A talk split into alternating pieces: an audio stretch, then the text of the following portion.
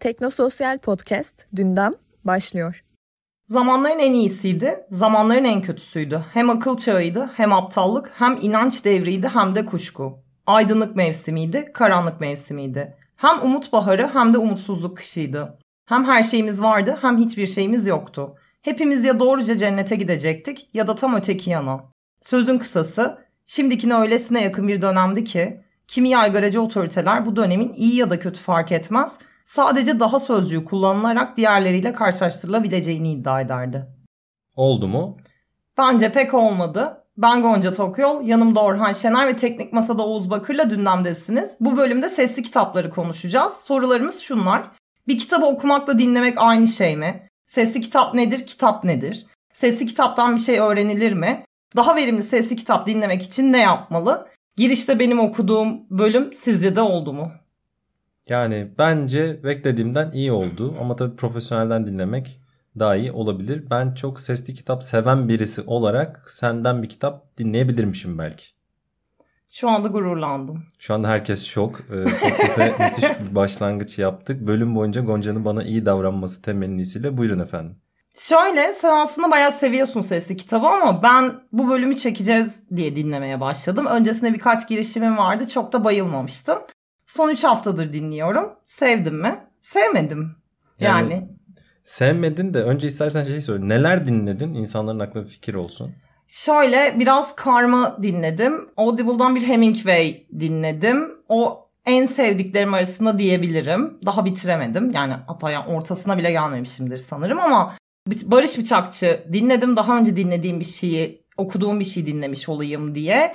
İyi gibiydi ama istemiyorum. Yani okumayı tercih ederim. Bir kez daha kitap zaten tamam. kütüphanemde var. Spesifik olarak neyi sevmediğini söyleyeyim. Çünkü genel olarak böyle sevmiyorum diyorsun ya hani. Yani şöyle bir kere not alamıyorum. Sadece sonuç itibariyle makale okurken not almıyorum. Bazen öykü kitabı okurken de roman okurken de beğendiğim mesela pasajları not alıyorum ya da sözleri not alıyorum bir fikir hoşuma gidiyorsa diyorum ki ya bunu belki bir yerde kullanırım ya da alıntıyı kullanırım onları not alıyorum. Not alamamak beni çıldırtıyor. Herhalde artık gündemi düzenli dinleyenler biliyorlardır. Ben bir kağıt ve kalem bağımlısıyım. Yani defterim yanımda olsun ve bir şeyler yazayım istiyorum. Sesli kitapta bunu yapamıyorum. Not almanın yanı sıra mesela altını çizemiyorum. Altını çizememek en büyük sıkıntı herhalde. Ya highlightlayamıyorum falan hani böyle kenarını kıvırıp ya buraya döneyim de yapamıyorum. Mesela Aslında bookmark özelliği var çoğunda o bilmiyormuşum. Daha o kadar öğrenememişim. Demek ki yeni olmamın da etkisi var yani bu kadar efektif kullanamamamda. Ama bir de şöyle bir şey yaşadım. Yani elimde kitap varken bazen bir cümle bana uzun geliyor ya da böyle cümleden çok etkileniyorum ya da anlamıyorum. Yani bir anda çok ağır geliyor cümle bana ve geri dönüyorum tekrardan okuyorum o cümleyi ya da pasajı.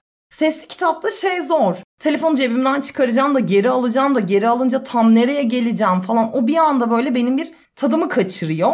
E bazen de kopuyorum gidiyorum artık dinlerken anlamasam da. Kopup gitme meselesinde şu da var. Şimdi kitap okurken de bazen aklınıza bir şey gelir pencereden dışarı bakarsınız yok işte evdeki biri bir şey söyler bilmem ne falan. Böyle bir kopup gitmesi vardır kitabında. Ama, Ama o sırada kitap akıp gitmez. Evet sesli akıp gidiyor. E sonra nerede kaldığımı da şimdi elimde kitap olsa böyle gözümün ucuyla bilirim. Derim ki buradan sonrasında ben koptum gittim falan. Oradan döner devam ederim. E sesli kitapta yine böyle bir şeye dönüşüyor. Benim için bir karmaşaya dönüşüyor. Benim aslında genel olarak böyle sevmeme sebeplerim bunlar. Yani aslında şu senin 3 haftalık tecrüben e, birçok insanın sesli kitapla arasında koyduğu mesafenin sebeplerini çok güzel açıklıyor. Yani o hissiyat farkına zaten değiniriz ama söylediğin işte işaretleyememe, altını çizememe, not alamama ve kitabın senden bağımsız olarak akıyor gidiyor oluşu birçok insan için hani kelimelere böyle döke, dökemiyor olsalar da yapılan araştırmalarda en büyük sorunlar olarak gözüküyor. Bunların hepsine de değineceğiz. Ben biraz şeyden bahsetmek istiyorum. Yani en çok sorulan soru şu. Sesli kitap kitap mıdır? Mesela hep verilen örnek bir kitap kulübüne üyeyseniz Türkiye'de bunlar çok yaygın değil ama batıda yaygın böyle birazcık kurcalarsanız Goodreads falan hep hikayelerini görürsünüz. İşte o haftanın kitabını mesela dinlediysen sen direkt hani hile yapmış sayılıyorsun ve yani biz okuduk sen ne dinledin kolayına kaçtın diyor. Şimdi kolayı zoru ayrı hikaye ama aynı etkiyi vermiyor mu acaba? Yani sesli kitap kitap mıdır sorusunu önce bir cevaplandırmak lazım. E sesli kitap nedir? Önce bunu cevaplandırmak gerekiyor. Seslendirilmiş yani metne dökülmüş bir kitabın seslendirilmiş hali. Böyle yani sesli kitap dediğimiz şey de zaten biz böyle çok yeni bir teknolojiymiş gibi düşünüyoruz. Ama ses kaydının icat edilmesinden hemen sonra akla gelen bir şey bu. Yani e, Edison'un işte fonografı var. ilk hani ses kaydeden cihazlardan. Burada adamın aklına ilk gelen şey buna işte çocuk tekerlemelerinin ninlerini kaydetmek oluyor. İşte Mary had a little lamb. Mary'nin küçük bir kuzusu vardı. Değil mi? Hepimizin severek bildiği bir ninni değil herhalde ama birazdan dinleyeceğiz zaten.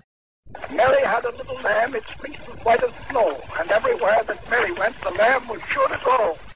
İkinci aklına gelen de körler için sesli kitaplar. Yani bu böyle süper yeni bir fikir değil. Kaydediyoruz madem. Birçok insan okuma yazması yok ya da zorlanıyor okurken. Çocuklar için de geçerli, körler için de geçerli. Onlara biz bu kitapları okuyalım. Tamam sesli kitap böyle bir şey. Peki kitap ne? Hani bu kadar övüyoruz kitap okuma değil mi? Kime sorarsan sor dünyada %99 herhalde kitap okumak iyidir diyecek. Ama niye böyle bu bize niye bu kadar iyi bir şey gibi yerleşti? Kitap aslında sandığımızdan çok daha yeni bir format. Yani modern anlamda kitap dediğim şey Gutenberg'le birlikte 1550'den sonra falan başlıyor. Ama o da zaten hani Gutenberg kitap basmaya başladı. Herkes bir anda okumuyor. Çünkü modern anlamda okur yazarlığın yaygınlaşması lazım. O da işte kuzey ve batı ülkelerinde 18. yüzyılın sonu 19. yüzyıl falan. Bizim gibi ülkelerde de yani son yüzyılda olan şey. Cumhuriyetin başında %10-12'lik bir okuma yazma oranından bahsediyoruz. Kadınlar çok daha düşük. Bugün bile %92 falan sanırım. Hala birçok insan akıcı şekilde okuyamıyor. Bu bizim için yeni bir şey. E peki yazıya bakalım. Yazı da aslında bütün evrimsel tarihimizde gene yeni. Milattan önce 3100 falan gibi yıllarda Sümerler'de çıkan bir şey ve toplumun çok kısıtlı bir kesiminin becerebildiği bir şey. O zamanlarda bu arada yazı da şey değil. Biz hep yazı deyince aklımıza bugünkü anlamıyla sesin kaydedilmiş hali geliyor ama hayır yazı en başta böyle e, bulunmadı. Biliyor musun Gonca ilk kez neden bulundu? Bunu böyle ders gibi yapalım. Haydi bakalım. Bekliyorum cevabı.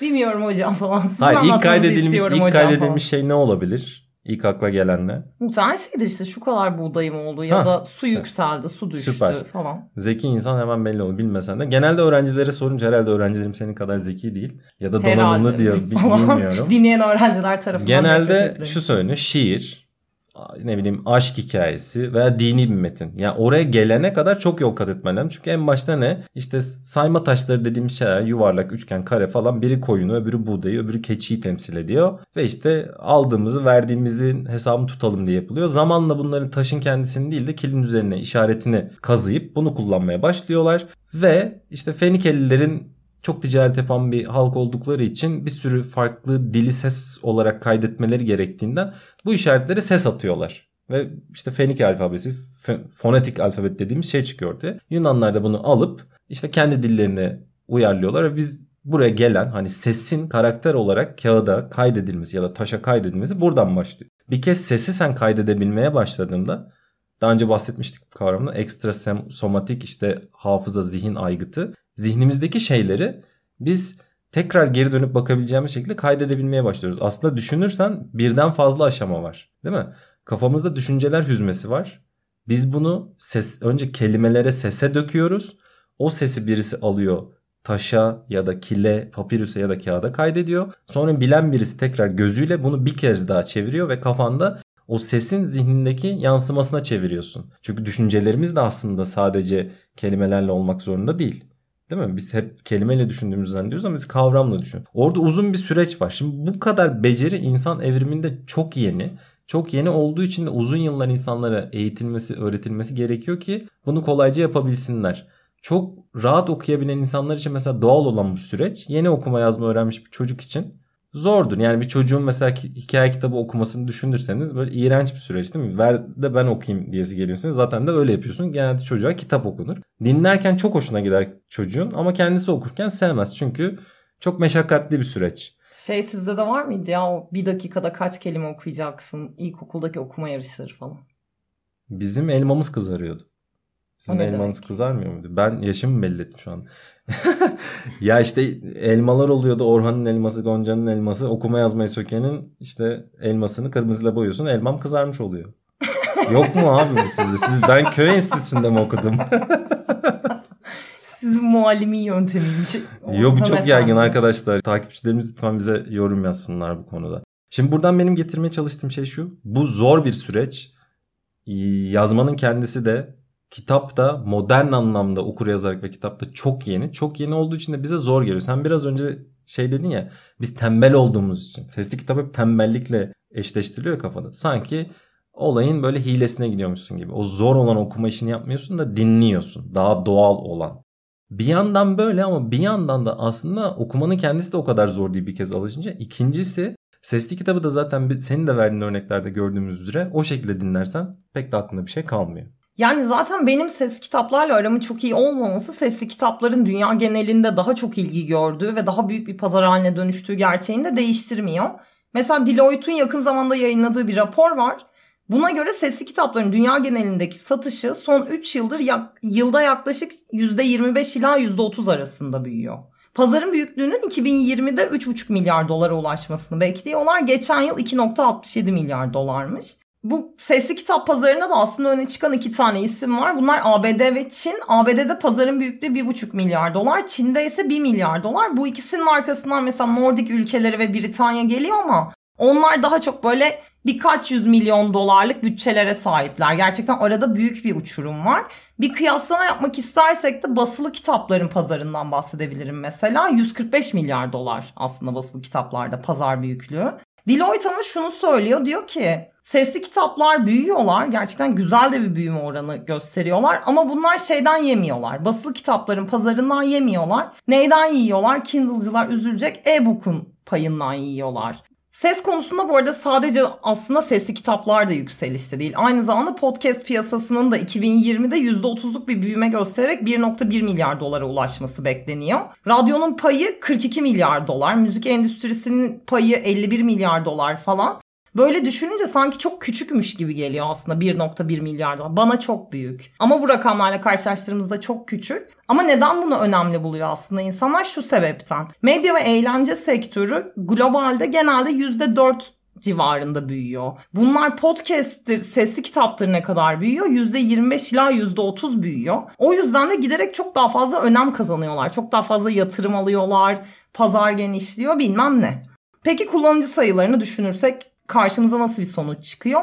Türkiye için çok net rakamlar yok. Ama Pew Research'ın 2019'da yaptığı bir araştırma var. Buna göre ABD'deki her 5 kişiden biri son 1 yıl içinde sesli kitap dinlemiş.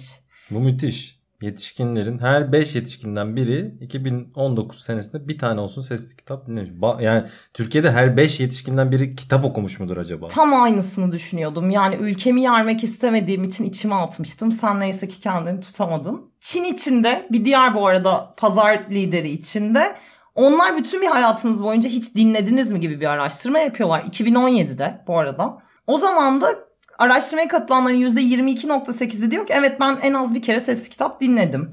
Ya oranlar Türkiye ile kıyaslandığında gerçekten çok yüksek. Türkiye'de de aslında sesli kitap işinde şu anda aklımıza gelen ilk isim Storytel. Storytel 2019 yılında toplam 4 milyon 54 bin 400 saat sesli kitap dinlenmiş. Storytel'de bu yıl 2020'nin ilk 6 ayında bunun üzerine çıkmışlar ve 4 milyon 200 bin saat olarak dinlenmiş.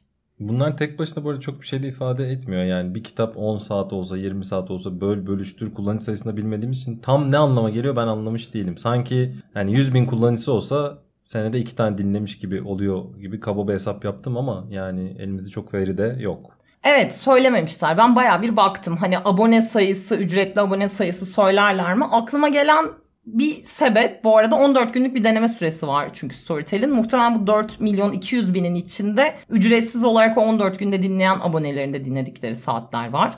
O yüzden sayı birazcık daha yüksek aslında. Bunların hepsi parası verilerek dinlenmiş saatler olmayabilirler.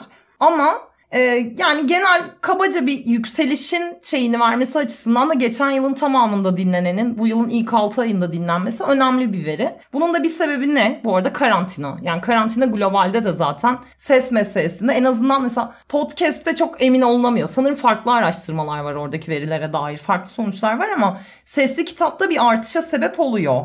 Storytel'inde zaten şöyle bir uygulaması vardı. Mart ayında özellikle 14 gün olan deneme süresini bir 30 güne çıkarttılar. Eminim ki bu da dinlenme süresini arttırmıştır.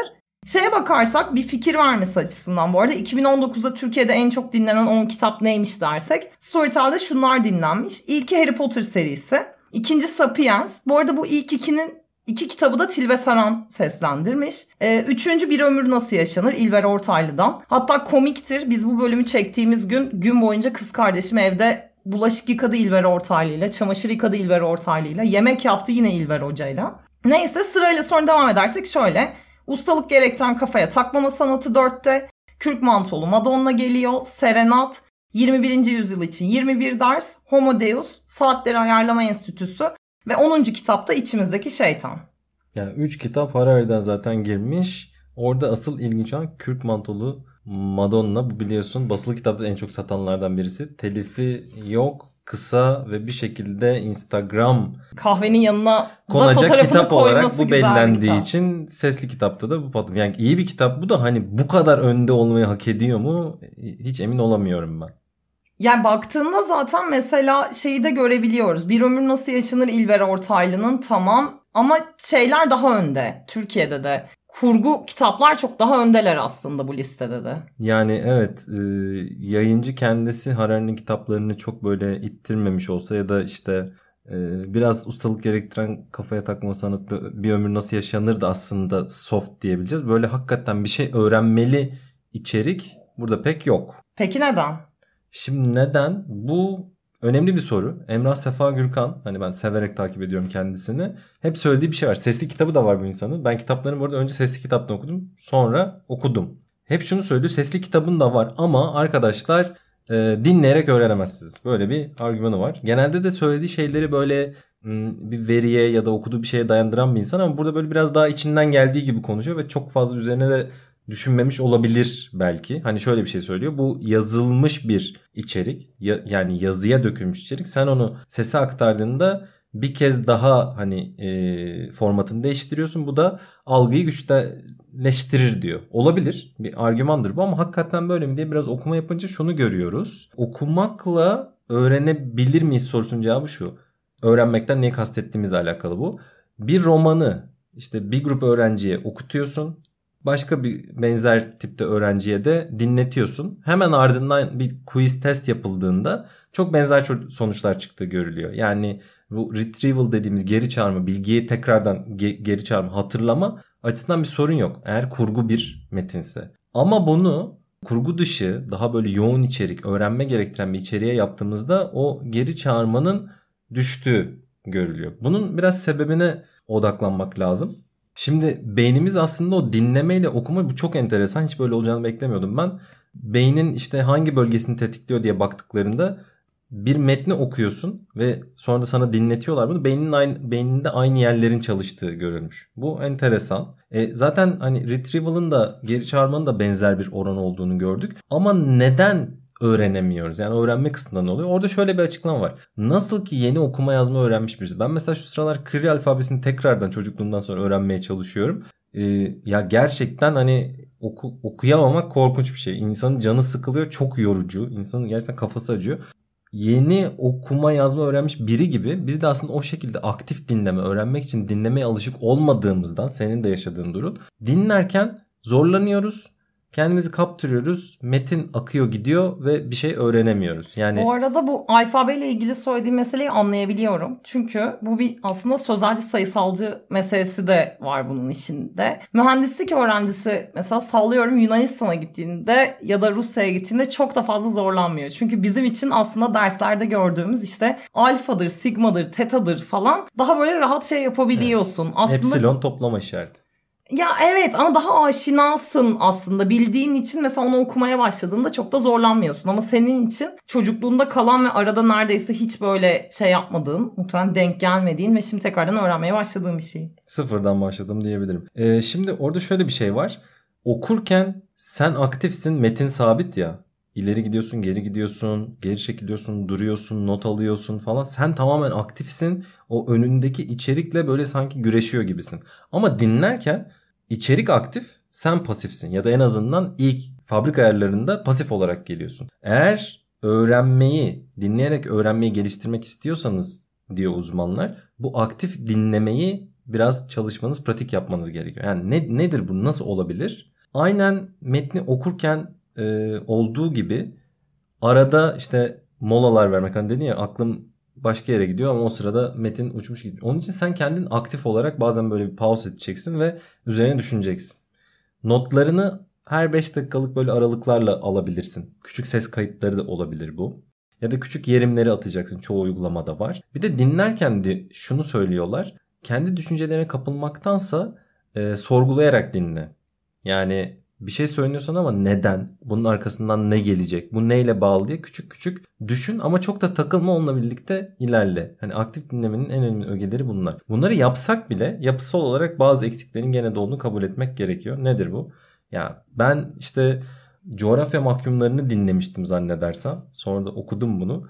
Yani işte bu da tabii ayrı bir bilmiyorum aptallık herhalde. Bu kadar haritaya dayalı bir metni ben dinledim. Ve o kadar zorlanıyorum ki dinlerken. Söylediği mekanların adını biliyorum da yerini bilmiyorum. Kafamda canlandıramıyorum. O sırada da böyle telefondan da harita açmadım ve her şey karman çorman Ya da daha önce okumuş olduğum halde bazen çok zor metinlerde de olabiliyor bu. İşte Stephen Hawking'in zamanı kısa tarihini dinlerken yani bir yerden sonra işte kuarklar onların altı işte öyle dönüyormuş böyle dönüyormuş bozon falan benim kafam döndü. O kadarını anlayamadım açıkçası.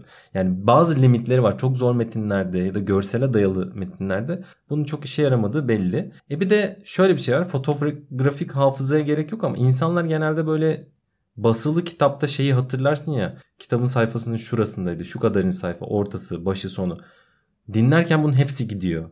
Yani tamamen bir boşluktasın. Böyle okyanusun ortasında yüzüyorsun gibi. O hissiyat biraz insanı rahatsız ediyor ve öğrenmenin önüne böyle bir barikat çekiyor diyebilirim. Hem kişisel tecrübemden hem de uzmanların söylediği şey. Buna rağmen bence bilmediğiniz bir konuya başlamak için özellikle de böyle hani koca koca kalın kalın bir kitap var okumaktan böyle çekiniyorsun.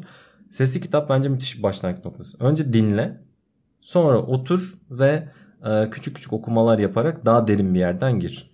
Ben bu bölümün aslında sesli kitap düşmanı gibi oldum birazcık ama okuduğumda da baktığımda benim için çalışmıyor olabilir bu. Şimdilik çalışmadı. Belki birazcık daha üzerine eğilmem gerekiyor. Ama bu zaten sesli kitaplar kötüdür ve okumayın falan anlamına da gelmiyor. Şöyle baktığımda en öne çıkan yararları konusunda da bir derleme yaptım. Biraz da ondan bahsetmek istiyorum. Mesela şunu düşündüğümüzde çocuklar üzerinde aslında çok pozitif etkileri var. Yani Sesli Yayıncılar Derneği var Amerika'da APA. Onlar diyorlar ki sesli kitaplar çocukların okur yazarlığı üzerine çok ciddi bir etki yapıyor. Neden? Çünkü dinlediklerinde telaffuzları düzeliyor. Bir okuma alışkanlığı yani dinleseler de en azından bir kitapla bir arada olma alışkanlığı kazanıyorlar. Daha çok kelime öğreniyorlar ve daha akıcı konuşuyorlar. Aynı zamanda da bir de hiperaktif ya da dikkat bozukluğu olan ya da disleksik olan çocuklar var. Mesela bunları oturtup bir yerde işte kitap bitene kadar kalkmayacaksın demek. Mesela hiperaktif bir çocuk için işkence. Disleksik çocuk için zaten oynuyor. Bütün kelimeler dans etmeye başlıyor bir noktadan sonra. E onlar için zaten muazzam bir alternatif haline geliyor sesli kitap. Özellikle disleksi için o yazılı metinde yaşadıkları sıkıntının sesli kitapta yaşanmadığına dair bulgular var. Disleksi ve öğrenme bozukluklarında yani çok güçlü bir e, araç olabileceği söyleniyor sesli kitabın. Evet bir de zaten onların e, duyarak öğrenme kapasiteleri daha gelişkin oluyor. Yani hani çünkü okuduğunda bir problem olduğu için zaten anlattığında daha iyi anlıyor. E, kitabı da okuduğunda daha iyi anlıyor. Bunun dışında mesela ne var? Uykuya dalarken muhteşem bir şey bence bu arada. Yani ben de düşündüm. Dedim ki ya uyku öncesi dinlemem gerekiyor. Mesela önümüzdeki hafta onu daha çok deneyeceğim. Uzmanlar da şeyi söylüyorlar. E zaten çocukken de mesela birçoğumuz için daha alışık olduğumuz bir durum. İşte annemizin bize masal anlatması ya da bir şeyler okuması. Buna benzediği için de sesli kitaplar uykudan önce insanlara bir konfor alanı sunuyorlar. E şeye de bakmıyorsun.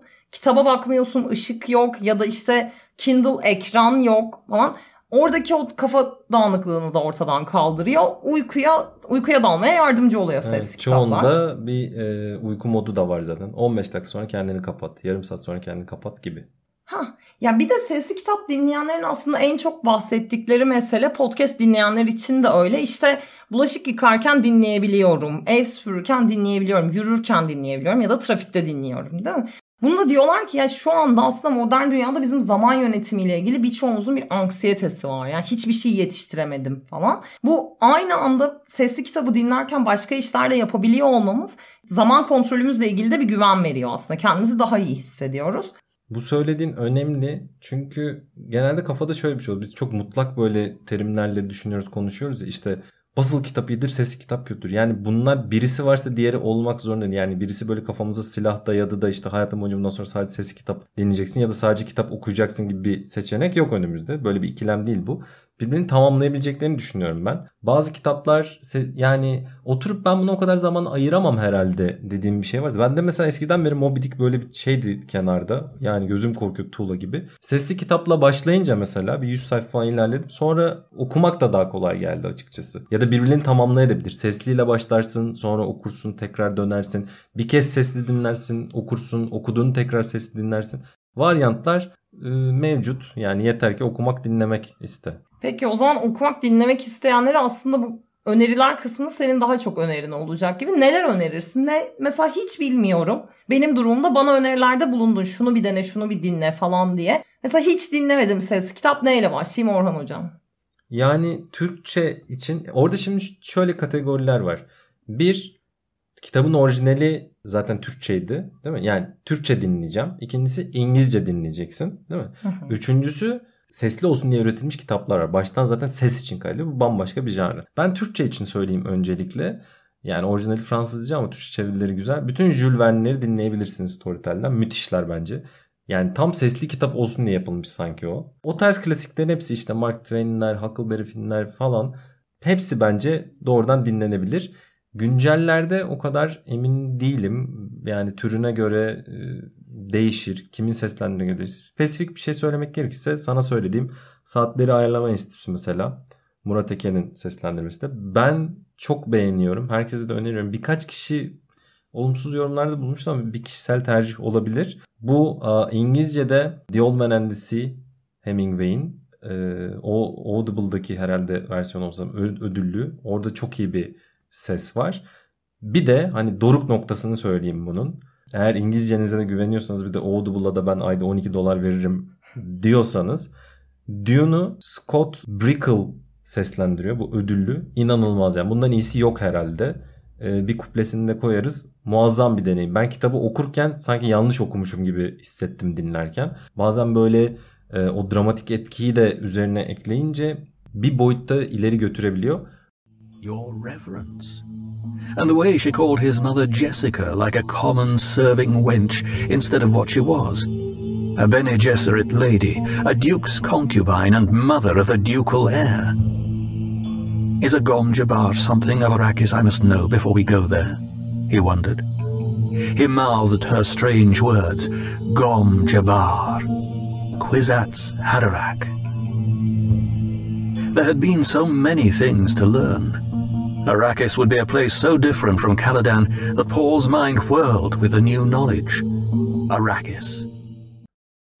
Artı şiir kitapları. Şiir zaten aslında okumaktan ziyade belki dinlemek için ya bazen. O açıdan e, şiir kitapları da sesli kitap olmaya çok uygun gibime geliyor. Son tavsiyem de şu. Bunu e, New Yorker'da gördüm. Stephen King adamın edebiyata merakı babası için sesli kitap kaydederek başlamış. Babası ailede şöyle bir şey yapıyor. Zaten ikisi de yazar anne babası.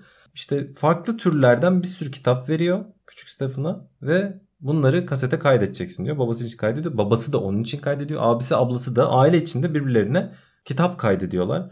Ve babası bunun için para da veriyor. Yani iş gibi. Adamın söylediği şey şu. Sizin size kitap okumaya falan alıştırmak değil benim derdim. Ben bu kitapları dinlemek istiyorum. Stephen da fena okumuyor. Bana okusun. Ama aslında diyor ki hani babam bana buradan böyle farklı türleri aşılamaya çalıştı. Bu bence çok güzel bir öneri. Çocuğunuza sesli kitap kaydedin. O da size kaydetsin. Gerçekten çok güzelmiş. Stephen King'in de bu kadar yani iyi benim çok sevdiğim yazardır bu arada. Bayılarak okurum falan. İyi bir yazar olmasının background'unda da ne olduğunu da öğrenmiş olduk bu anlattığınla birlikte. Bilmiyordum. Teşekkür ediyorum. O zaman bir de şöyle bir şey yapabiliriz aslında. Benim çok fazla tavsiyem yoktu gerçekten dediğim gibi sesli kitap meselesine bu bölümden önce bana verilen tavsiyelerle girdim. Zaten Orhan bana tavsiye ettiklerinin bir kısmını da demin sizlere de söyledi. Dünden dinleyicilerinin de eğer sesli kitap tavsiyeleri varsa bize Sailing üzerinden tavsiyelerini söyleyebilirler. Önümüzdeki bölümden önce sizden gelen tavsiyeleri de tekrardan kaydın başında yayınlarız. O zaman ne diyoruz? Haber Masalı'nın bir sonraki bölümünde görüşmek üzere. Görüşmek üzere.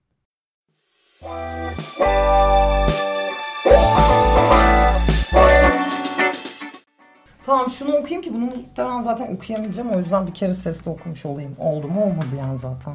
Vardığımız nokta orası olacağı için. Bir dahaki bölümün başına da Orhan'ı rezil ediyoruz bu arada. Şimdi Kur'an şey okurum. yapalım da. Bir dakika ya buradan bağlarken çok saçma olmuyor mu şimdi? Bence pek de olmadı. Ben Gonca Tokyo. Ha olur. Tamam bir daha yapalım hemen ya. Çok pardon. Ben bir an kafamda bağlayamadım. Beşten geçeceğim ki o boşluğu. Graham e, hay Graham Bell ne ya? Fonografi yapan kim? Edison. Değil mi? Karıştırıyor mu şu an? Bakalım. Bunu kapatacağız yavaştan. Şey diyelim. Bu neydi? Oğuz hani kendileri de ses kaydıyla şey yapabiliyorlardı. Kızların ilk önce dayak yemekle falan alakalı bir şey oldu. Yok mu oğlum sizde Ama elması bende kızarmak kurdele ya? vardı Benim zamanımda. Kurdele veriyorlardı onu okey. Hatta duvara asıyorlar ya da yıldız vardı onlar. Ya Şey, ben bak aşırı Yıldız. birinciydim. Hep böyle sınıfta bir dakikada en çok kelimeyi kim okuyacak yarışması yapılırdı. Böyle aynı kitaptan okunurdu. Ben ilkokul birinci sınıfın ilk gün okuma yazmayı biliyordum. Birinci ayında unutturdu herifler bana.